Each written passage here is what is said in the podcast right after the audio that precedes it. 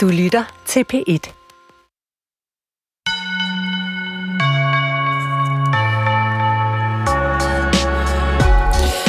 Jeg elsker hemmeligheder, men det er alligevel bedst, når man kan dele dem med nogen. Så i dag vil jeg dele en med lytterne. Der findes en hel gruppe af næsten hemmelige forfattere i Danmark. De skriver på livet løs. De skriver rigtig godt, men kun få kender deres navne. Og hvorfor nu det? Det er, fordi de skriver ny dramatik. Den hemmelige genre i dansk skøn litteratur. Men i dag skal det være slut. Jeg hiver nemlig dramatikerne midt ind på scenen, og de bliver afkrævet svar på, hvorfor de dog vil bevæge sig inden for en kunstform, der ikke nyder særlig stor opmærksomhed. Hvorfor vælger de at leve som litteraturens skyggetanter? Og så skal de også fortælle mig følgende. Hvad blev der af Tvinds stifter, Mogens Amdi Petersen? Kan man lære at elske den hvide mand? Og indgik danske psykologer virkelig en hemmelig pagt om at overtage verdensherredømmet i 1980'erne. Det er nemlig nogle af temaerne i de tre teaterstykker, jeg ser nærmere på i dagens udgave af Skønlitteratur på P1 med mine tre gæster. Dramatikerne Johan Rang Christensen, Line Knudsen og Andreas Garfield. Og jeg er som altid din vært og hedder Nana Mogensen. Og hvis du bliver hængende, så kan du få fornøjelsen af at høre mig springe ud som skuespiller og sanger. Velkommen til. Ja, altså i dag øh, en øh, spændende og meget levende udsendelse regner jeg med. Tre gode gæster i studiet. Der er masser af smagsprøver på tre ret nye stykker dansk øh, dramatik, og vi skal også se nærmere på, hvad er det, den her særlige genre, altså dramatik, kan, og hvorfor er den egentlig ret overset. Som sagt har jeg tre dramatikere i studiet. Johan Rang Christensen, øh, velkommen til dig. Tusind tak. Øh, nogen vil jo kende dig fra året, der gik, hvor du også var med og anbefalede lidt dramatik. Ja, der prøvede jeg at snige lidt dramatik ind. Og nu, øh, nu, nu får vi bare hele timen til, øh, til den genre. Det stykke, du har med i dag, som vi skal læse senere, det er det, der hedder Den Hvide Mand. En kompliceret kærlighedserklæring. Vi skal læse op af det, lave sådan en slags reading. Du er dramatiker, øh, teaterchef på Johns Teater. Vil du ikke lige sige igen, hvad det var, det var? Jo, Johns Teater, det er et øh, projektteater, som jeg har stiftet for at have platform til at lave mine egne stykker, mine hjerteblodsprojekter, originaldramatikken, det som ingen har ventet på, og ingen vidste, de havde brug for at se eller høre. øh, og, øh, og der, øh, der hedder det Johns Teater, øh, fordi øh, John er en midaldrende heteroseksuel kulturkristen cis-mand, øh, hvid selvfølgelig. Sådan en skal man have, når man laver teater i Danmark, og det har jeg så også. Det er John, øh, og han er så aldrig hjemme, så jeg laver det meste. Øh, men, øh, men det er ligesom det, der er historien om det. Godt, så John er ikke med i dag, men du er med. med. Øh, og du er også forlagschef på det nystiftede forlag, der hedder Deus Ex Machina, der udgiver ny dansk dramatik. Ja. Så har jeg her over for mig, lige over for mig, Line Knudsen, husdramatiker på Betty Nansen Teatret. Øh, det er du lige nu. Hvad betyder det at være husdramatiker? det betyder øh, helt øh, basic, at jeg er øh, for fast løn. Og det er, det er ikke normalt. Nej, jeg skulle til at sige, du siger det, som om det er noget særligt. Jamen, det er det. Det er noget rigtig, rigtig specielt. og hvad vil... Det er ikke med feriepenge og pensioner og sådan noget, det, men det er dog, jeg får en lille månedsløn, og jeg skal ikke tænke på min husleje. Den har jeg tænkt på i de andre 25-30 år, før jeg kommer ud på BSY øh, hver måned. Øh, men det tænker jeg ikke på nu, så jeg koncentrerer mig om øh, sådan bare at være i et flow. Men hvad er dealen med teateret? Ejer de så både din krop og din sjæl? Nej, det gør de ikke. Øh, altså, dealen er, at øh, det faktisk Wilhelm Hansen-fonden. Er det ikke rigtigt? Jeg kan pludselig ikke huske det. Det er Wilhelm Hansen-fonden, der har givet Betty en ordentlig klat penge, uh-huh. i erkendelse af, at danske dramatikere lever et rigtig øh, hårdt liv øh, rundt i landskabet, hvor de løber rundt med en lille tom hvid plastikpose for at hente sådan lidt penge, hist og pist, og prøve at, at lave sådan en patchwork-tæppe af en lille økonomi. Og det, er, det gør jo, at, altså, at, at det bliver, kan godt blive lidt svært at samle sammen ting. Man er hele tiden i gang i mange ting. Og det at være... Øh, ja, og de, de har så doneret nogle penge til øh, blandt andet Betty Nansen, øh, til at have, hvor Betty selv kunne gå ud og pege på mm. en dramatiker, de gerne ville have fast i huset. Og det er så blevet dig. Ja. Øhm, du har jo været aktiv siden de tidlige 90'er, både skrevet til, til scenen og til radio. Mm. Øh, og så er du også forfatter til det, man kunne kalde såkaldt almindelige bøger. Altså mm. nogle mm. lyttere vil kende Frit Flet, som du har mm. skrevet sammen med Nej Marie Eit og Mette Mostrup. Præcis. Det stykke, øh, som du har med i dag, det er det, der hedder Søborg-gruppen. Psykologerne mm. kommer. Det skal vi høre noget af senere. Ja. Altså, det, er jo, det er jo vigtigt at sige, det, det er radio. Det er kun øh, skabt ja, til lyd. Ja, det er skabt ja, til lyd. Ja. Øh, herover og det er manden til sidst, Andreas. Kan du leve med det? Ja, det håber jeg. Det bliver du nødt til. Ja. Uh, Andreas Garfield, uddannet dramatiker, skriver også til tv. Ja. Og øh, det stykke, som vi skal øh, læse noget af og synge fra senere, det er øh, et ret nyt stykke, du skriver, der hedder Tvind, og så The Musical i, øh, i citationstegn. Ja. Okay, det bliver spændende. Forhåbentlig. Og du skal lære os at synge. Ja, også det. Spørgsmålet er, om vi kan nå det på en time. Øh, inden vi går i, altså sådan dybere ind i stykkerne, så... Øh, så sagde jeg jo det her med, at, at dansk dramatik øh, og nyskreven dramatik, at det var sådan lidt en hemmelig genre, og, og I var sådan nogle lidt nogle hemmelige mennesker. Det er jo selvfølgelig at stramme den lidt. Mm. Men hvis I skal give et bud på, øh, og det kan også godt være, at lytterne heller ikke lige har forventet, at der skal komme en time om nyskreven dansk dramatik.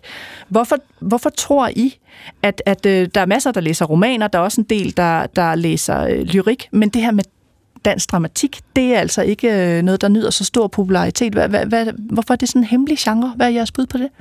Altså, jeg, jeg kan lige starte. Ja, altså det, det, der er jo bare ikke været i det her land en tradition for, at det får særlig meget opmærksomhed, og det er jo noget, der starter jo øh, allerede i, i skolen. Altså, du har jo også en... Lyrik er jo også en, en super mærkelig, egentlig en virkelig mærkelig ting, øh, men som de fleste øh, har et sådan relativt normaliseret forhold til, at de kan godt finde ud af at læse øh, et digt, hvor det står lidt underligt uh-huh. på siden, og det rimer ikke, men, men de forholder sig er sådan åbne over for det, fordi man allerede i skolen, i folkeskolen, begynder at forholde sig til rim og vers. Og, øh, men dramatik, dramatik er jo også en genre, som kræver, at nogen forklarer dig, hvordan du læser det, fordi det ikke, du ligger ikke ned med et stykke dramatik som jo så i øvrigt ofte heller ikke er udgivet nogen steder, for der er ingen, der vil udgive det. Øh, men men det, er, det er noget, du skal lære at læse. Øh, og hvis ikke du bliver præsenteret ordentligt for, hvordan man læser dramatik, øh, så er det, kan det forekomme fuldstændig vanvittigt at ligge og læse et manuskript, hvis ikke du har nogen redskaber til det. Det er meget svært at sige, hvorfor det er blevet sådan, synes jeg, men øh, noget af det er selvfølgelig kulturtradition, som Line peger på. Hvis man sammenligner med, med øh, for eksempel England og USA, hvor, hvor man har læsning af dramatisk litteratur allerede i grundskolerne. Det har vi ikke i samme grad i, i Danmark. Det skal man jo sådan set, men, mm. men mange gange netop fordi det har været svært at få adgang til den moderne dramatik på tryk, så, øh, så har man siddet og læst øh, Holberg og Ibsen og Strindberg, og det er der jo ikke i sig selv noget i vejen med. Øh, men, øh, men det har ligesom betydet, at man, man øh, ikke har fået øje på dramatik som litteratur. Mm. Øhm, og, og det har vi også selv måske været for dårlige til som dramatikere, og branchen har været for dårlige til det, og, og der er så opstået det her med, at det Øhm, det er svært litteratur at læse, og det er det faktisk ikke, men det er, det er jo rigtig som meget nem, nemmere faktisk end så meget. Nemmere. Ja. Ja, faktisk men nemmere. altså, jeg var jo også igennem mit øh, såkaldt, det kunne man sige, tvangsholdbær øh, i skolen, ikke? Og, og måske også mit tvangsstrindbær. Så, så, øh, så jeg tror, vi gør noget i dag, noget godt for genren, og mm. viser, at den kan alt muligt andet øh, mm. også. Øh, hvad vil du sige, Andreas? Altså, hvad er grunden til, du har jo så også skrevet både til tv og alt muligt andet, men hvad er grunden til, at du vælger at arbejde i, i øh, den dramatiske genre, altså skrive teaterstykker, øh, når det ikke er en genre, der nyder sådan enorm popularitet? Øh, jeg synes jo, altså for teatergængere, så nyder den jo af ret stor popularitet, virkelig. Det kan godt være, at inden for, hvis vi taler skønlitteratur, at så, det, så, så vi ja. glemt det, øh, eller øh, ikke så kendte. Mm. Øh, jamen, det lyder måske lidt banalt, men jeg skriver, fordi at jeg ikke har noget valg. Det er det, jeg mm. elsker allerhøjst. Øh, og Men ja, hvad er det så, altså, altså den her genre kan? Altså hvorfor skriver du ikke en lang roman? Hvorfor, hvorfor, for, hvorfor bruger du den her Romaner for mig, det er, jeg har kæmpe respekt for dem, der kan det. Jeg synes, det er alt for uoverskueligt. Og, og, og virkelig at kunne lave sæt så mange ord ved siden af hinanden, det synes jeg er vanvittigt. øh, plus, at, at jeg vil også sige, det er, øh, man siger forfatter, det er et ensomt arbejde. Jeg tænker, skønlitterær forfatter, det må være det allermest ensomme, jeg kan forestille mig. Fordi at teatret har noget andet, øh, som man så ofte heller ikke finder, når du, når du skriver øh, øh, film til dels tv, men, men På teater, der har du meget hurtigt også et samarbejde med andre mennesker. Mm. Øh, med instruktører, med producer, med skuespillere. Øh, så, så, så ensomt er det heller ikke. Så det er en mere fællesskabsorienteret genre at skrive i, simpelthen? Øh, ja, på et øh, vist tidspunkt i processen. Mm. Øh, der er selvfølgelig jo også øh, teaterdramatikere, som, som øh, meget tidligt øh, går i, øh, i dialog eller skaber det sammen med, med andre. Øh, der, der holder jeg det mere for mig selv, øh, til jeg så skal overgive det til, til øh, instruktører og skuespillere. Det er jo noget af det, der måske har været svært ved at forstå, hvad en dramatiker er, altså som forfatter, fordi vi ligesom både har den del af processen, hvor vi ligner de andre forfattere, mm-hmm. og så har vi den del, hvor, hvor vi er en del af en kollektiv kunstart. Øhm, og, og det, at vi er begge dele, øh, hører ligesom med til forfatterskabet. Og det er, en, det er en anden måde at skrive på, selvfølgelig. En, en, øh, altså, nu skriver jeg også digte, og det er igen noget helt andet. Øhm, men noget af det, der virkelig er kendetegnet ved at skrive dramatik, synes jeg, det er, at vi, vi skriver jo øh, i 3D. Altså, vi skriver det, vi skriver, men vi skriver også det, vi ikke skriver, som er rummet, og som er situationen, og øh, karakterernes følelser undervejs, som måske bliver indikeret med nogle recibemærkninger, nogle anvisninger, øh, igennem manuskriptet, men, men der er jo et helt rum bagved, som man skal lære at læse, når man læser dramatik. Ja, fordi altså, bare for at slå det helt fast på prins Knud og alle mulige andre, øh, så der er jo ikke, man kan jo ikke ligesom have indre monologer på samme måde, som hvis man læser en roman, så kan der være sådan en lang indre monolog eller lang tankestrøm. Alt skal jo ligge i en replik eller du pausen. Du fortæller jo alt via replikker, ja, ja. og det vil sige, jeg kan på ingen måde, øh, og derfor har jeg heller aldrig skrevet en roman eller prosa af nogen art, for jeg kan ikke, jeg kan ikke engang beskrive et rum. Altså, jeg kan ikke, øh, jeg kan ikke fortælle noget at være alvidende fortæller. Jeg bliver nødt til at, at have mennesker, som jeg fortæller igennem, øh, jeg fortæller igennem replikker mm-hmm. og situationer, en historie. Jeg kan ikke, øh, vil aldrig kunne øh, så meget som skrive fire linjer, der er til at holde ud og læse omkring, at nogen kommer ind i, han kom ind i rummet, og han aldrig havde han, og og hun lå og tænkte på sofaen. Og hun mindes de gamle... Det, altså, det er... Øh, ja. altså, det, kan, det kan man jo godt, og det er jo, altså, øh, øh, for det første, at have indre monologer. Altså på den måde, mm. så, så er det jo ikke så... så øh, der er jo sket meget med dramatikken øh, i forhold til, til øh, tænker jeg bare for øh, et par årtier siden, og, og, hvor, og hvor mange der, der for, forsøger at sprænge formen på mm. det også. Øh, og, og jo også... Øh, var der på et tidspunkt en dille, hvor at, at øh, skuespillerne også fremsagde regibemærkningerne. Altså, det mm, findes jo, det findes jo, men det er ikke det, det, er ikke det typiske. Man kan sige, at det øjeblik, forestillingen bliver øh, sat i scene, i den situation, der er man jo ude over den indre monolog. Der bliver den indre monolog jo en ydre monolog. Forstår du, hvad jeg mener? Men skal vi ikke prøve i virkeligheden at prøve at få nogle eksempler? Mm. Fordi lige nu sidder lytterne mm. garanteret derhjemme og tænker, hvad sulan er det, de ja. snakker om? Mm. Øh, og der, der tænker jeg, at vi simpelthen starter med dit stykke, Line, fordi det er skabt til lyd. Øh, mm. Ren lyd, og det ligger faktisk øh, gratis inde på Betty Nansens Teaterets øh, mm. hjemmeside. Man kan bare gå ind og høre det. Mm. Det hedder øh, Søborg-gruppen. Psykologerne kommer. Det ligger i, øh, i to øh, dele. Øh, og jeg læser lige lidt af presseteksten, inden vi hører sådan en lille bid på tre minutter, mm-hmm. så, mhm. så kan I høre, hvad det går ud på. Der står blandt andet et konspirationsdrama baseret på, citationstegn, virkelige hændelser. I foråret 2021 beslutter Lina Knudsen sig for at tage på loppemarkedet. Her forelsker hun sig i en båndoptager, der ligner den, hun havde stående på pigeværelset i Humleby, da hun var barn.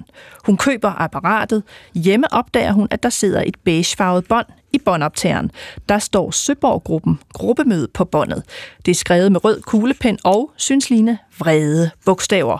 Hun trykker play, og alt ændrer sig. Det, hun hører på båndet, er utroligt, og derfor kontakter Line journalist David Peppe Birk, og sammen sætter de sig for at afsløre alt. Og nu skal vi høre et lille klip fra noget af begyndelsen, hvor David er mødt op hos Line for at høre, hvad er det, det her drejer sig om. Mm. Jeg vil egentlig bare gerne høre, hvad det er, du vil tale med mig om. Ja, altså nu, nu starter jeg lige et andet sted. Nu stiller jeg dig et spørgsmål, og det er sådan her. Vil du være enig med mig i, at der er sket en kæmpe udvikling her over de sidste 25 år? Øhm, altså, altså i samfundet? Nu tænker jeg på selve mennesket, David. Altså, hvad er der sket med mennesket? Hvad er forskellen på et menneske fra 1957 og så et menneske i dag? Kan man ikke sige, at der er sket en kraftig individualisering? Altså jo, det kan man da godt sige. Altså at vi ikke længere er bundet ind i fællesskaber, altså tro og landsby, familie og så videre. At vi bare er os selv, at vi står meget alene. Jo, jo, jo, det kan man sige. Nu skifter jeg lige spor igen. og spørger dig, går du til psykolog? Jeg har prøvet det. Jeg har gået til psykolog. Og synes du, det hjælp? Det er, det er svært at sige, synes jeg. Kan man sige, at det at gå til psykolog svarer til at betale sin egen rengøringsdame for, at hun står og kigger på, af, af, på en, mens man selv gør rent? Mm, ja, man går hen til en psykolog og betaler psykologen penge for selv at løse sine egne problemer. Er det ikke sådan, det hænger sammen? Jeg ved ikke, altså jeg har... Jamen ja, altså, ja. hvornår har du sidst været til et middagsselskab, hvor der ikke sad en psykolog og tronede for bordenden? Helt ærligt. De er overalt, David. Og synes du ikke, det er påfaldende, hvor meget taletid de får? Altså, jeg, jeg, jeg bliver simpelthen nødt til at forstå, hvad jeg er ikke med. Hvad er det, det handler om, det her? Okay, nu forklarer jeg det. Øhm, for et par måneder siden, øhm, der går jeg på et loppemarked. Jeg er pludselig fået den idé, at jeg vil have en Walkman. Det er ren nostalgi. Og, øh, og jeg finder også en ude på Amager, et blå hus. Og inde i den, i Walkmanen, der sidder der et gammelt kassettebånd. Og så tænker jeg selvfølgelig, at jeg vil høre det. Også bare ren nostalgi. Altså det kan være noget gammelt ABBA eller et eller andet. Men det viser sig, David, det viser sig at være en optagelse fra et møde i Søborg. Det, det ved jeg, fordi det stod uden på kassettebåndet. Og jeg hører her noget, som jeg rent faktisk ikke tror var meningen, at nogen skulle høre, eller jeg skulle høre. Ikke? Har du nogensinde hørt om noget, der hedder UPS, UPS, UPS? Står for Unge Psykologistuderende Studiekreds. Nej, Nej. Det, det har jeg ikke hørt om. Nej, øh, det havde jeg faktisk heller ikke. Men altså, det er, en, det er en optagelse fra et af deres møder. Jeg kan godt, eller ja, og det er det, jeg vil spille for dig, fordi det er virkelig, virkelig big shit. Jeg ved ikke, hvad I kalder det i din branche. Kalder I det noget? Smoking gun? Er det det? Ja, ja, ja. Den, Med det her bånd, der er der simpelthen et bevis, David. Øh, et bevis. Og, og, og, og vi kan afsløre det. Hvad kan vi afsløre? At det er aftalt spil. Hvad er aftalt spil? Jamen, at det er planlagt. At man har planlagt det fra lang tid siden. Hvad er man? Ja, men psykologerne, de er med i det. De har planlagt det. Altså, jeg er... Jeg lidt. Øh, psykologerne, de er med i det. Altså, de har, de har gået sammen om det. Ja, og så har, vil vi ikke afsløre, hvad det er, de er gået sammen om. Måske en eller anden øh, konspiration, og måske en eller anden hemmelig aftale. Jeg skal sige, at det er øh, dig, Line Knudsen, der mm. har mhm. skrevet manus sammen med, med David her, og så er det mm. iscenesat af Elisa øh, Kravrup, og klip mm. og lyddesign af Jakob Helt. Øh, kan du ikke prøve at sætte nogle ord på, hvor, hvor kommer ideen fra til at lave sådan noget lyddramatik, og hvordan er de her karakterer opstået? Øh, altså et det, det er lidt atypisk for mig, lige denne her mm-hmm. genre. Jeg, jeg, jeg ved faktisk ikke engang, hvad det er for en genre. Øhm, men øh, det kom så af, at øh, jeg, jeg, jeg, grundet, jeg var ude på bed, eller er ude på Betty, så kom corona, og vi kunne ligesom ikke lave noget på scenen. Og så tænkte jeg, jeg bliver nødt til... Altså, det kunne være, at man skulle lave et eller andet øh, på lyd, og, øh, og så har jeg over mange år gået og været ret loren øh, ved psykologer. Mm-hmm. Øh, men jeg har ikke kunnet formulere, øh, hvad det var, øh, og selv se skoven for bare træer, men jeg har haft øh, dårlige fornemmelser omkring dem. Og, øh, øh, og så har jeg for sjov sagt på et tidspunkt, at jeg tror, at, det, at psykologerne har mødtes en gang i 80'erne og aftalt at skabe arbejdspladser for sig selv. Og øh, og så helt kort fortalt faldt jeg over en artikel, en pædagog, øh, der hedder Iben, øh, som havde skrevet en har ført sådan en enmandskrig over mod de sidste 20 års ødelæggelse af seminarer og så videre, som heller ikke hedder seminarer, mere. Noget med pædagogik, og, og det, det hendes artikel og mine øh, mærkelige tanker og fornemmelser, de, de, de matchede ligesom, så jeg inviterede hende ud, så fortalte hun mig om de sidste 20-30 års individualisering og målrettet øh, indsats fra, altså at pædagogikken på seminarerne er blevet erstattet af psykologien. Og så pludselig var der bare sådan nogle ting, der gav mening til min konspiratoriske hjerne. Tænkte, gud, det, det er rigtigt, det er, det, der er sket noget. Fordi spørgsmålet er jo, hvorfor har vi så mange unge, psykisk sårbare øh, unge i vores samfund? Hvorfor har, er gratis psykologhjælp kommet på finansloven her i februar sidste år? Fra 17 til 25-årige, og hvorfor jubler alle? Mm-hmm. Hvorfor er der ingen, der ser, at det er en erklæring, og hvorfor er der ingen, der spørger om, hvorfor, hvorfor er alle så psykisk sårbare? Og så så øh, har jeg så fået den syge, øh, fikse idé, at det er psykologerne, der helt bevidst har ødelagt vores skoler, altså og, og seminarieuddannelser, læreruddannelser, pædagoguddannelser ved at fjerne den pædagogiske praksis og erstatte den med psykologi og individualisering. Og så er vi blevet, så er vi blevet syge i sjælen alle sammen, og så sidder de og behandler os og tjener penge på det, og de er nok også ansat af staten og har øh, aftalt det sammen med Anders Fogh i 2003, hvor han jo holder en åbningstale om, at vi skal af med rund... rundbordspædagogik. Ja, øh, og så har jeg strikket en kæmpe konspiration øh, sammen, øh, og, og, og, og tænkt, at ingen vil høre den. Øh, og der er alligevel 15.000, der har hørt den. Den er virkelig... Øh, den er... Øh, jamen, jeg tænkte virkelig, at det bliver mig og så David og min mor, der kommer vores møder, der hører det, og så er nogen, er nogen ude på Betty. Øh, og det vil ikke få nogen opmærksomhed, for det er for tosset, og det er for vævende, og det er for mærkeligt. Øh, men det er, jo, det er jo en af de fantastiske ting, at, at jeg fik lov til at...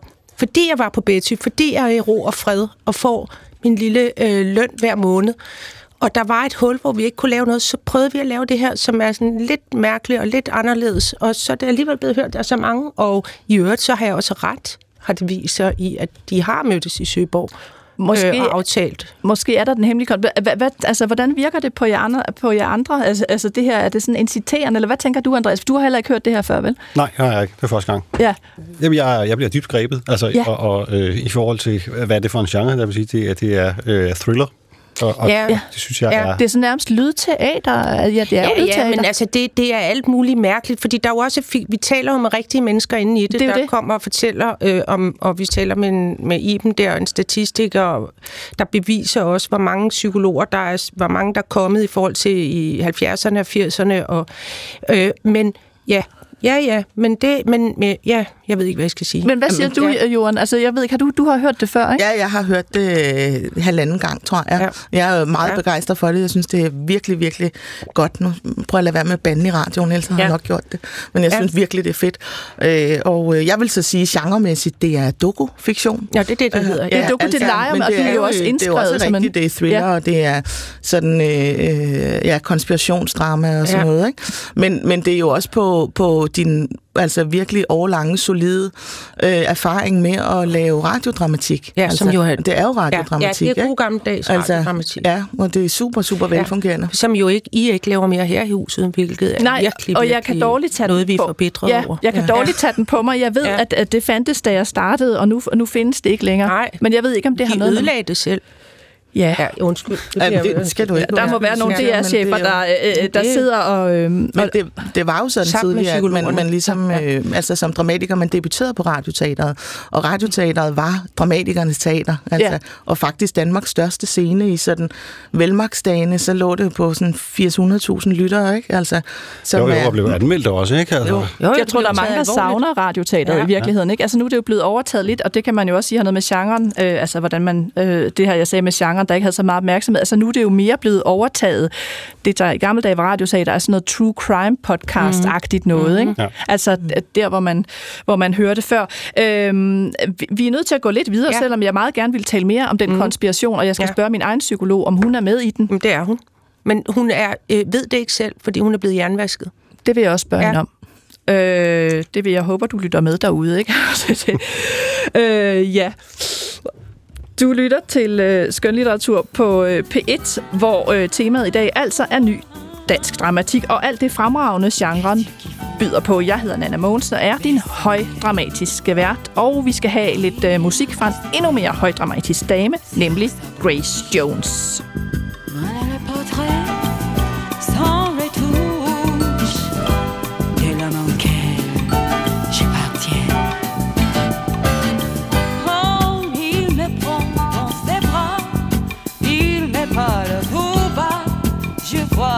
La vie en rose. Il m'a dit des mots d'amour, des mots de tous les jours, et ça me fait quelque chose.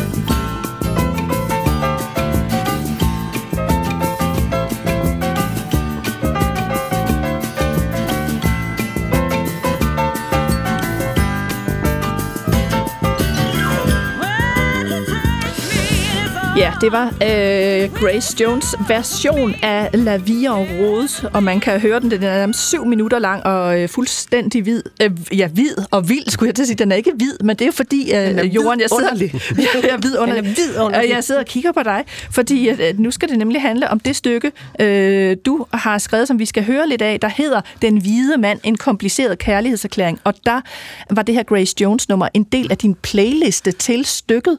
Øh, hvorfor lige det her nummer? Øh, ja, men øh, der er sket noget sådan over de sidste, faktisk nogenlunde på det tidspunkt, hvor jeg skrev Den Hvide Mand, øh, som, som jo er nogle år siden efterhånden, og øh, hvor jeg ligesom udviklede øh, sådan en, en arbejdsmetode med at lave playlister til mine stykker, musiknumre, som satte mig i forskellige... Øh, stemninger og sådan aktiverede følelser, som jeg gerne ville have, skulle være med i stykket.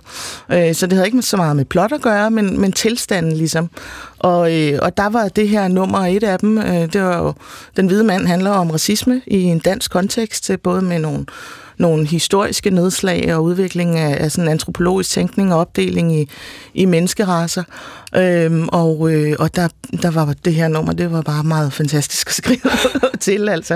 Øh, ja. Skal vi ikke prøve at hoppe, altså hoppe lidt ud i det, så, så, så lytterne får... Nu har vi simpelthen, jeg har kopieret øh, noget her, og du må fortælle øh, allerførst, vi skal, vi skal læse noget fra scene 4, vi må ligesom fordele replikkerne, men allerførst, der er noget, der hedder rådet i dit stykke. Hvad er rådet for noget? Ja, altså det er jo, øh, hvis man sådan skal genrebetegne det, så er det et ikke handlende øh, øh, måske postmoderne stykke dramatik, som ikke sådan er plotstyret, og som er i sin komposition øh, opbygget omkring det, der hedder cirkulær dramaturgi, øh, selvom det dog har en lineær spændingskurve. Nu bliver det lidt nørdet.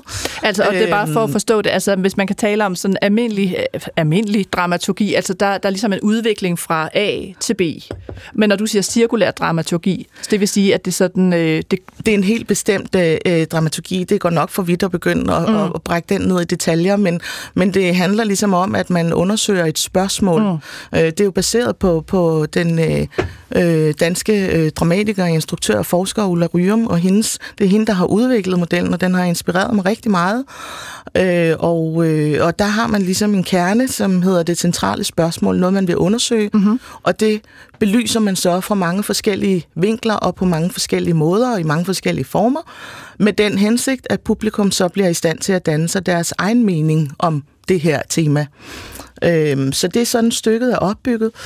Øh, og hvad er det så med rådet? øh, Hvem er rådet? Ja, så er der en rammehistorie, som er øh, fem øh, fem personer, som består af et råd, der er mødtes for at ligesom diskutere, hvad gør vi øh, med racismen i Danmark, hvad gør vi med øh, øh, den hvide mand som figur, kan man Mhm. sige, ikke? Behandler de det som.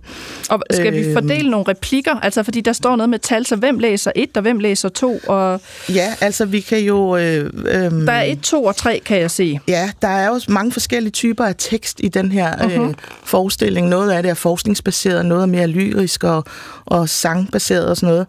Øhm, og den her scene, det er, det er to øh, sådan øh, lidt øh, forskertyper, som har en form for skænderi øh, øh, gennem det, der, der bliver sagt her. Så, så måske skal vi bare have Line og Andreas til at læse henholdsvis et og to. Et og to, så- er, I friske på det? Mm. Og løs. Ja. Ja, så, så, skynder så, os. så, hvem er du? at skynde os. Ja, du er Line. Er du så etteren, eller Ja, hvad? ja, så er jeg et. vi er ret meget i starten af stykket her, og de er ligesom ved at afdække, hvad er det egentlig for en Er jeg, problematik. er, ikke? er jeg en fyr? Er det væsentligt? Øh, det er, det, du er non-binær. Og det er simpelthen ja. non-binær. Okay. okay, så jeg læser replikken. Jeg, ki- jeg kigger over mod dig. Ja. Det er almen kendt, at danskerne er et etnisk homogen hvidt folkefærd, og et ind- og at indvandringen i landet primært forekom i 1960'erne og 70'erne med den gruppe, der først fik tilnavnet gæstearbejdere. Dette må imidlertid betragtes som en vandrehistorie. I bedste fald en kollektiv fortrængning eller forglemmelse. I værste fald et bevidst forsøg på historiemanipulation. Allerede i 1600-tallet var der farvede mennesker i Danmark, primært som slaver eller levende legetøj for adlen og deres børn. Indvandringen fra afrikanske og asiatiske lande havde sit første boom fra slutningen af 1800-tallet til begyndelsen af 1900-tallet. Det var Der var dog sandsynligvis tale om en tvungen indvandring, i det disse mennesker blev bragt hertil for at blive udstillet i zoologisk have, tivoli og teatre i hele landet. De blev betragtet som masseunderholdning for folket og blev inspiceret med samme interesse som de vilde dyr, de var udstillet ved siden af. altså, man mente, at de farvede befandt sig på et tidligere udviklingstrin end den hvide race. Således udviklede antropologer i midten af 1800-tallet det såkaldte racetræ, der placerede den hvide mand i toppen af udviklingen med de øvrige racer og kulturer under sig. Nederst negerne, der med deres oprindelige og driftstyrede adfærd blev betragtet næsten som dyr. At den hvide race blev anset for at være den mest civiliserede, den smukkeste og mest intelligente, siger sig selv. Ja. Det, var, det var scene 4. Ja, og så kommer scene 5, hvor øh, så rådet, som altså består af fem ikke-hvide personer, diskuterer det, der lige er blevet fremlagt. Og det er jo sådan en scene for fem personer, så, øh, og vi er fire, så jeg tænker, at vi bare skiftes til at læse en replik, mm-hmm. fordi det er jo ikke sådan en psykologisk karakterstykke på den Nej, måde. vi læser. Øh. Så hvem øh, starter? Jeg læser første replik. Ja. Okay, og så går den bare rundt Ja, om bordet. ja. Det er godt. Vi taler om noget, der foregik i 16, 17 og 1800-tallet. Det er over 200 år siden. Men det var sådan, det startede. Og det er stadig sådan, han tænker om os. Han har aldrig gjort op med sin fortid. Derfor præger den stadig hans tanker. Gør den stadig, efter alle de år. Der er noget galt med ham. Der er noget galt med systemet. Uanset hvor galt det står til, må vi ikke glemme, at vi grundlæggende holder af hinanden. Altså, vi elsker ham, og han elsker os, og Den hvide mand tænker fælt om os. Han bryder sig ikke om os. Han respekterer os ikke, og det har han aldrig gjort. Aldrig er en meget absolut størrelse. Er vi sikre på, at der er tale om en absolut størrelse? I første omgang bør vi vel identificere problemer og kortlægge dets omfang. Findes der en diagnose? En diagnose, jøsses. En diagnose, det er i hvert fald tidstypisk. Vores forhold til ham er kørt af sporet. Herre Gud, det sker jo i et hvert forhold. Vi skal, høre, vi skal bare tale om det, give hinanden plads. Skuffede forventninger og kompromiser er essensen af et hvert kærlighedsforhold. Lad os tale om kærlighed i stedet for. Oh. Uh, de sukker. Vi taler om fortiden, som om det var fortid. Som om tingene havde forandret sig. Men intet er forandret. Vi er stadig underlagt den hvide mands magt. Vi er kun produkter af hans fantasi. Menneskene ændrer sig kun, når de skal, når de absolut er tvunget til det. Og den hvide mand har ikke haft grund til at ændre sig. Han nægter at indse, at katastrofen lurer lige om hjørnet. Katastrofen? Det er dommedagsprofetier. Jeg siger revolution, ja tak. Revolutioner bringer kun en masse blod med sig. Men hvor meget har systemerne ændret sig? Hvor meget har mennesket ændret sig? Det er jo netop det, vi er her for. At ændre mennesker. Du lider af galopperende storhedsvandvid. Det er ikke vores opgave at ændre mennesket. Og du lider af konfliktskyhed, af handlingslammelse, af frygt. Stop, stop, stop, stop, stop. Problemet er, at vi er enige om, at der er et problem. Er det et problem? Men han ser det ikke. For ham er der ikke noget problem. Er, er det noget, vi tror, eller noget, vi ved? Lad os finde ud af det. I tilfældet af, at han intet ved, må vi informere ham. I tilfælde af, at han allerede er informeret, men ignorerer det, må vi advare ham. Advare ham mod hvad? Mod os. Mod, at han er ved at miste vores kærlighed. Tak, jeg synes, vi skal give os selv en lille hånd. Vi klapper. Ja. Det var flot læst op. Det var, og, og lad os prøve lige at stoppe her, fordi øh, nu har vi jo så siddet og læst det her øh, sådan et stykke dramatik. Øh, Johan, når man, altså, og det kunne jeg godt tænke mig også for, for lytterne, fordi folk ved ikke, at man kan købe meget dramatik i bogform eller i, i skriftlig form, altså som, som en lille bog for eksempel. Hvordan læser man det, når man sidder derhjemme? Nu sagde Line før, det er sådan en særlig muskel, og vi kan jo så sidde sammen og få det til at køre altså ikke store skuespillere, men vi kan få det til at køre. Og dog. Og dog. Og dog. Men hvordan vil man gøre det, hvis man sidder med sådan et stykke her derhjemme? Jamen, øh, det er lige præcis en af de ting, man kan gøre. Altså, der er jo rigtig mange faktisk i Danmark, som har læsegrupper øh, øh, og klubber øh, rundt omkring. Og der er det jo fuldstændig oplagt at prøve at læse dramatik, og netop sådan, som vi lige har gjort, fordel rollerne og læse det højt sammen. Fordi dramatik, er, altså replikker er skrevet til at blive sagt, så det at læse det højt giver rigtig, rigtig meget i forhold til ligesom at, i sådan et gåsøjne lære at læse dramatik. Øh, og det kan man jo, hvis man ikke har en læsegruppe, så kan man også læse det højt selv. Øh, derudover, Men, men, og- men man Ja. kan også sige sådan ting som de der recibemærkninger, som som kan have alle mulige forskellige øh, lyde eller øh, måder, afhængig af dramatikeren. Men, men sådan, nu var der en lille recibemærkning her, de sukker. Øh, når man ikke er vant til at læse dramatik, så vil man måske sådan overse den. Altså, man, man tager den ikke med. Det er sådan et appendix, man ikke sådan, det er jo ikke det, der er det vigtige. Men det har recibemærkninger med til at indikere en rytme. Altså, øh, hvis dramatikeren har skrevet, han rækker ud efter, imens han prøver at tænde støvsuren, øh, øh, han undertrykker et gab og, og så replik. Så det er jo enormt vigtigt, at du kan se, at der er en, der siger noget meget vigtigt, mens han er ved at gabe, fordi det har for, for dramatikeren skrevet. Så man skal give det ret meget betydning. Øh, se det for sig, Øhm, og det har man tendens til at læse hen over ja, i virkeligheden, det, når man det, selv det, sidder ja, med det. Hvis man ikke er vant til det, så, så, så tror man ikke, det er rigtigt med i det vigtige. Men det er ekstremt vigtigt, fordi det, det, det har at gøre med den rytmiske følelse af at læse. Men jeg sad jo også og blev sådan lidt halvhøj, da vi læste her, fordi det er ret øh, sådan dynamisk, ja. og, og det er et velskrevet stykke, ja. og det kommer rundt om det ja. her centrale spørgsmål. Men du sagde noget meget interessant øh, under pausen, Andreas Garfield. Du sagde, øh, og det tror jeg, du har ret i, at det er mærkeligt, at vi i Danmark ikke rigtig øh, altså er stolte af vores dramatiske både tradition og det øh, lag, der er af dygtige dramatikere, men det er man andre steder. Ja. Altså prøv at sige lidt om det. Hvad, hvad er det med Danmark og forholdet til dramatikken?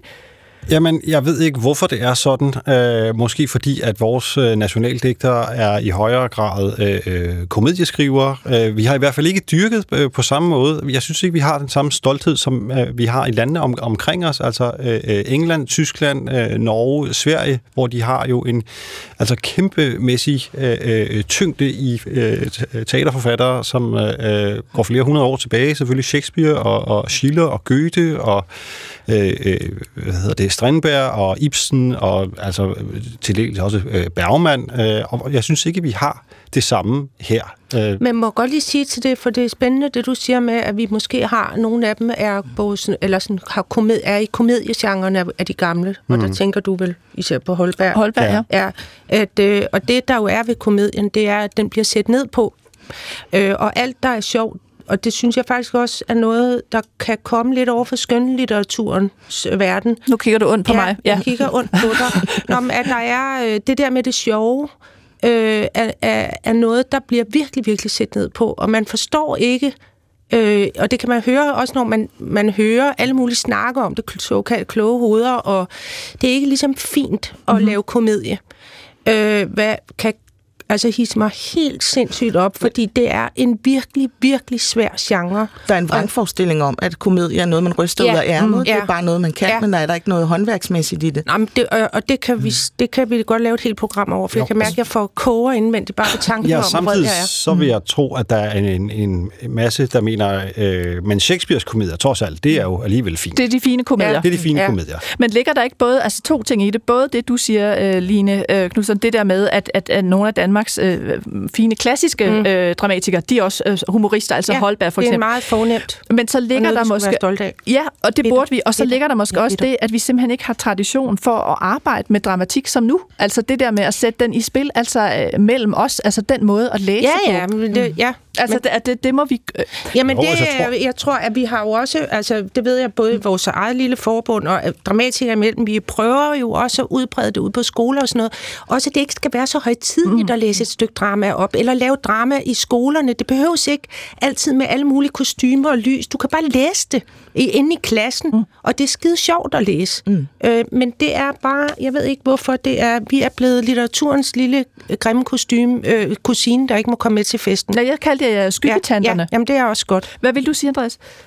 Det tror jeg faktisk, jeg har glemt med det her. I hvert fald, Ej, det var nej, i, det i, i hvert fald jeg vil også ja. sige, at, at det, det, det gælder om at få det ind uh, allerede fra, fra folkeskolen, at man lærer det.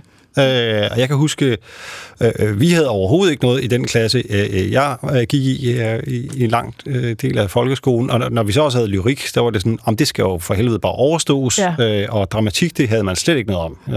Uh, og så må vi... Men, men altså... Nu, ja, altså inde på, ja. på forladets hjemmeside, uh, Deus Ex Machina, der har jeg jo gjort det, at jeg har lavet en, en, en liste ligesom med gode råd til at læse dramatik, fordi at, at der er jo... Altså, vi kan jo ligesom blive enige om alle mulige grunde og hvorfor og sådan noget, men, men det er jo også en realitet, at lige nu er der en, en ret sådan udbredt øh, øh, opfattelse af, at det måske er svært at læse dramatik.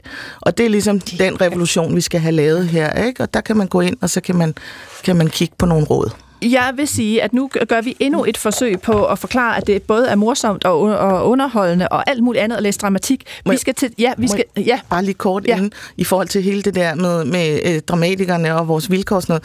Altså, Den Hvide Mand blev jo instrueret af øh, Liesel Tommy, som var sydafrikansk øh, amerikaner. Hun kom fra New York til Danmark for at instruere stykket, da det blev sat op. Og øh, hun var opvokset øh, i Sydafrika under apartheid, og vi sidder så under prøverne og snakker, og hvordan er det at være dramatiker i Danmark, og så fortæller jeg hende om det. Og hun synes, det er så forfærdeligt, hun begynder at græde. Og altså, en hun kommer fra apartheid og synes- apartheid, synes at danske dramatikere havde det hårdt. ja. Vi bliver, I bliver hævet ud af, af, af dette øh, frygtelige tomrum og ind i mediernes centrum, fordi, øh, Andreas Garfield, vi, vi, vi skal til dit stykke, og det er Tvind, øh, The Musical, og for lige at komme i stemning. Ja. Og jeg skal jo sige, Amdi, øh, altså øh, stifteren Mogens Amdi Petersen, er ikke med som karakter i stykket, men han er jo på en eller anden måde udgangspunkt for det hele, så jeg har fundet et lille historisk klip, vi skal høre med ham, øh, så de lytter, der ikke lige er bekendt med, åh, hvad var det nu med Tvind, og hvad tænkte Mogens og alt det her, det er fra begyndelsen af 70'erne, og der taler han om noget af alt det, han var med til at stifte, altså øh, hele Tvind, øh, hvad skal man sige, organisationen og den rejsende højskole osv. Prøv lige at lytte med her et minuts tid, hvor Amdi taler. Ja, som skole kører vi vældig meget på, på det opsøgende element.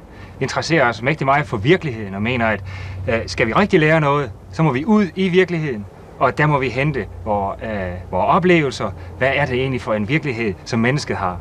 Mm. Øh, vi mener ikke bare, at det er virkeligheden herhjemme i Danmark. Vi mener også, at virkeligheden over hele verden er en, en stor del af, af det moderne menneskes øh, udgangspunkt for at forstå sin egen situation. Og som sådan lægger vi, øh, og her har vi jo rejsen, en stor del af vores højskoleophold direkte ud til udviklingslandene. Man bringer jo en masse af de ting med sig fra vores samfund, der hører individualismen til.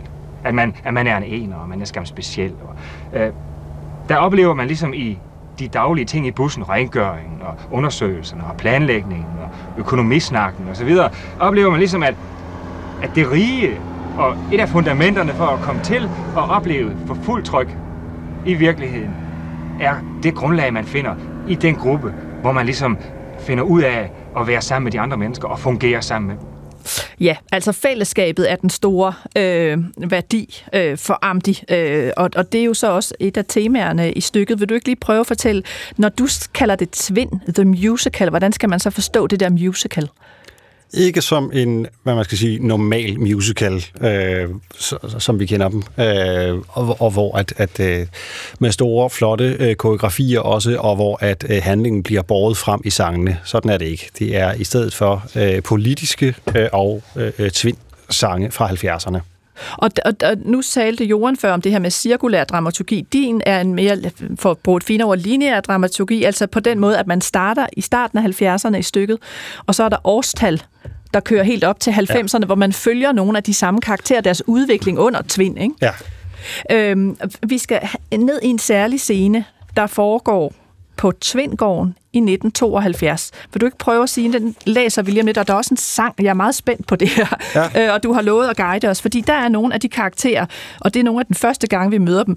Øh, Anne og Ulla og Per og Lasse og Birgit. Hvem er de her mennesker?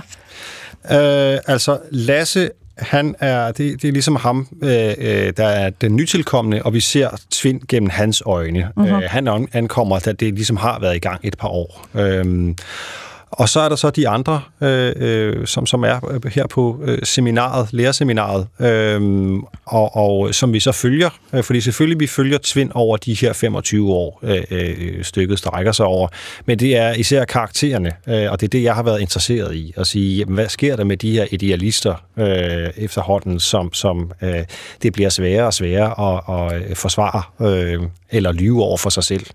I takt med, at øh, imperiet begynder at smuldre, eller det bliver tydeligt, hvad, hvad det egentlig er, det hele går ud på.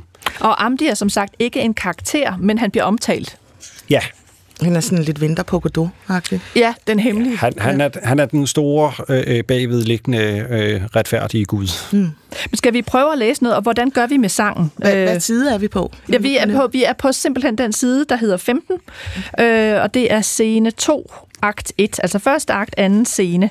Og det første, det er almindelig læsning, og så kommer der noget sang. Skal vi stoppe inden sangen, eller kan du instruere os i, hvordan øh, de skal synges, de sidste replikker? Øh, ja, spørgsmål, skal jeg gøre det inden? Eller, Det skal du måske gøre lige, når vi når til det, for ellers har jeg glemt det.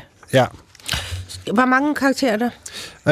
Øh, jeg, jeg tror egentlig bare, der er jo nemlig fem, øh, så jeg tror, at vi skal gøre, ligesom vi gjorde med øh, Ja, vi- Jordens, vi- og vi- bare køre ja, rundt. vi- Kører rundt. Okay. Okay. okay. Men vil du så ikke... Altså Lasse, nu læser jeg, hvad der står først. Lasse sidder midt på scenen.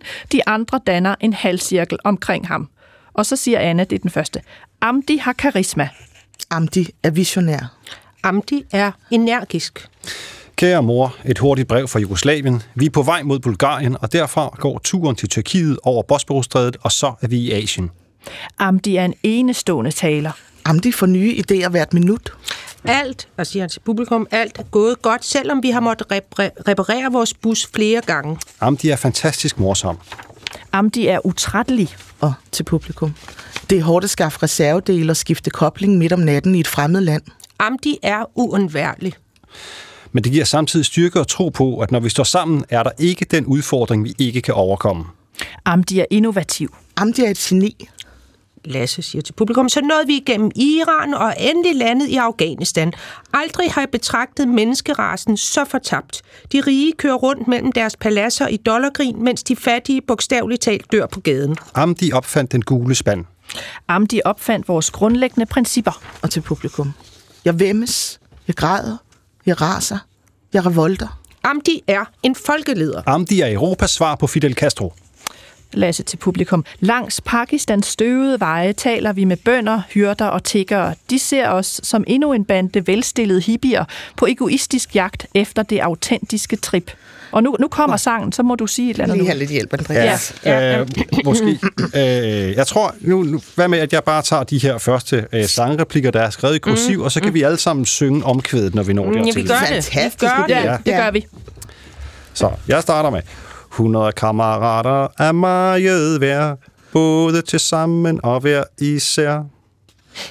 Skal vi, er det så også? Ja. Vi er kammerater. Ah, det, det er bare en Vi er almindelig kammerater. Vi er kammerater. Nå, for sådan, Ja. vi er kammerater, ikke synges. Derfor må vi rygte hinandens tag Vi er Vi folket. er folket. i en atmosfære af kærlighed og krav. Vi er den rejsende højskole. Ja, og så kommer så øh, omkvædet, og det lyder sådan her. Tapiri, tapiri mig, jeg vil gerne lære af dig. Skal vi synge det, eller hvad? Lad os prøve at synge Ja. det alle sammen. Tapiri, Tapiri, mig. Jeg vil gerne lære af dig. Det er... Jeg kommer aldrig til at godt. kæmpe for de rige som far. Jeg vil kæmpe for de fattige. Dem som far hjælper sine klienter med at undertrykke. Tapiri, tapiri, mig. Du kan også lære af mig. Hjemme igen med hjernen og hjertet overfyldt af uvurderlig viden og uudslettelige indtryk. Uh. Tapiri, tapiri, mig. Jeg vil gerne lære af dig. Tapiri, tapiri, mig. Du kan også lære af mig.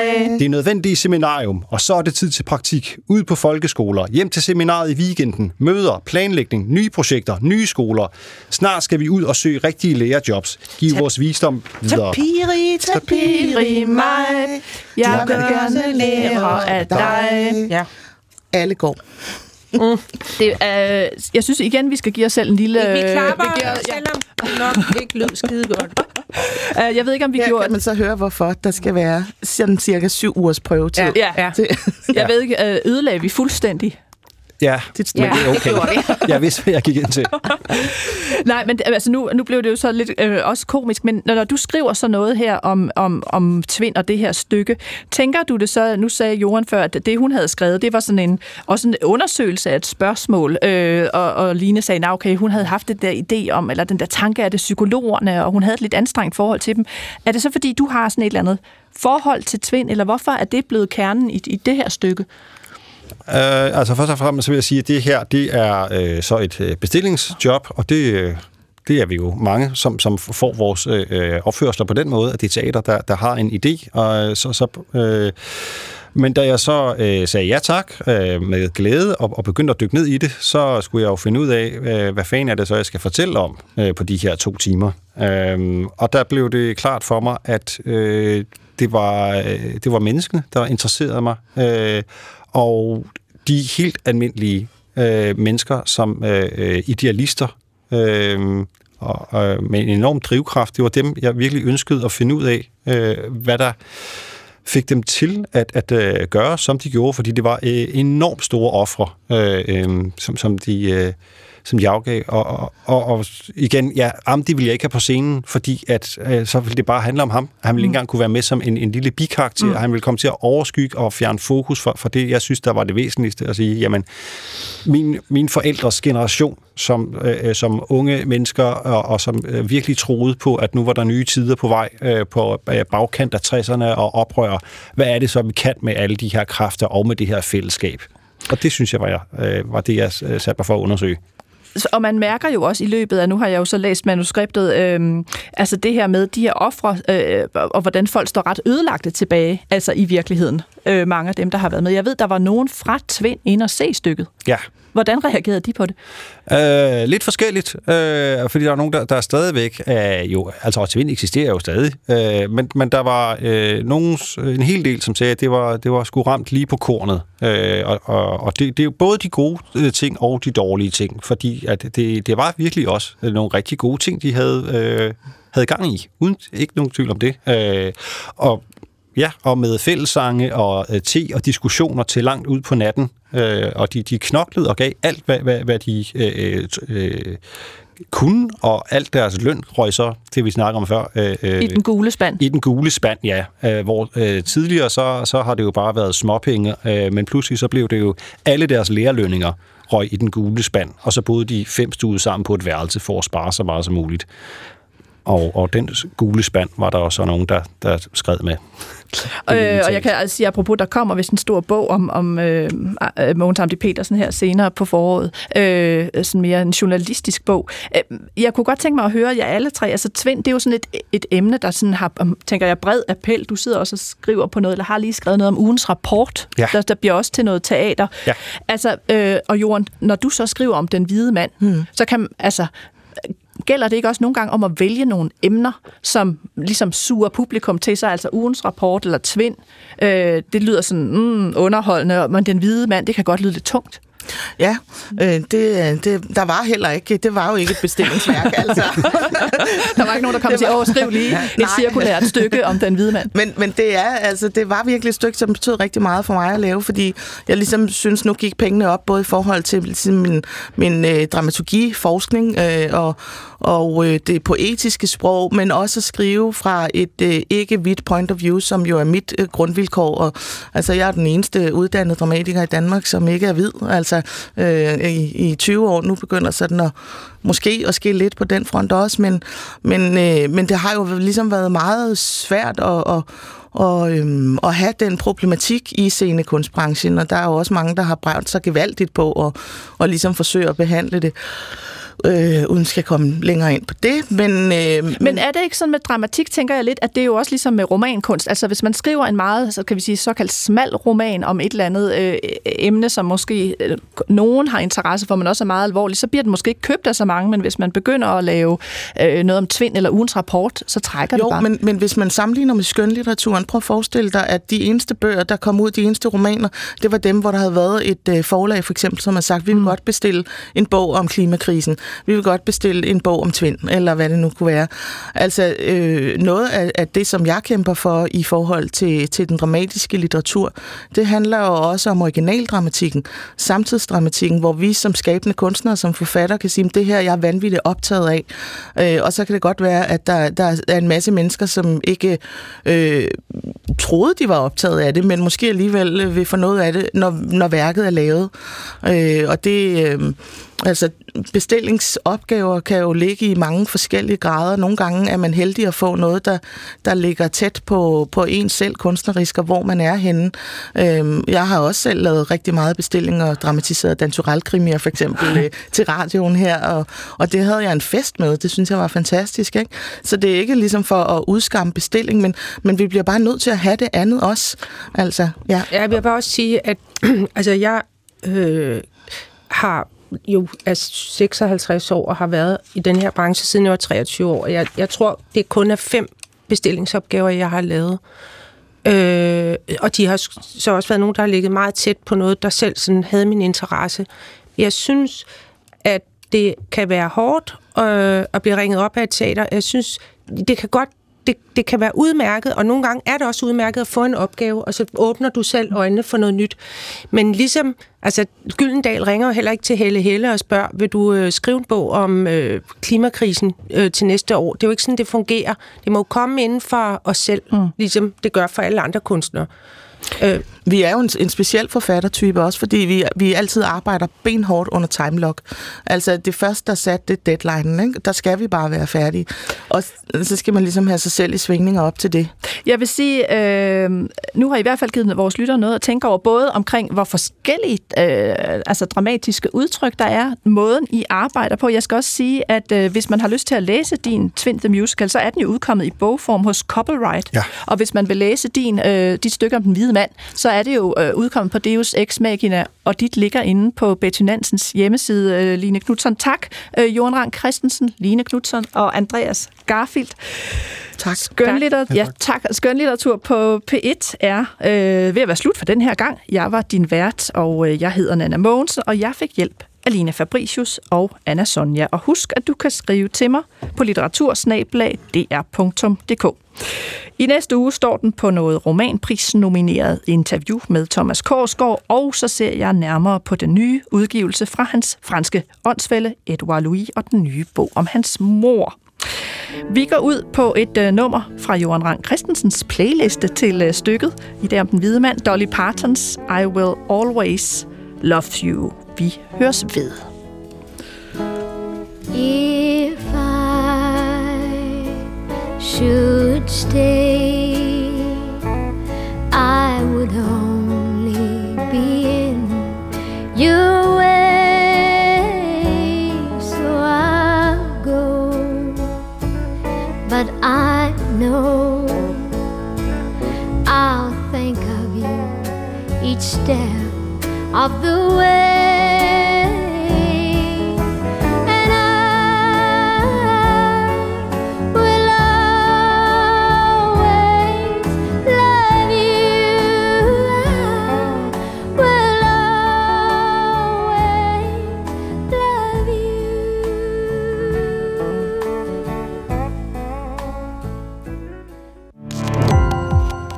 Gå på opdagelse i alle DR's podcast og radioprogrammer. I appen DR Lyd.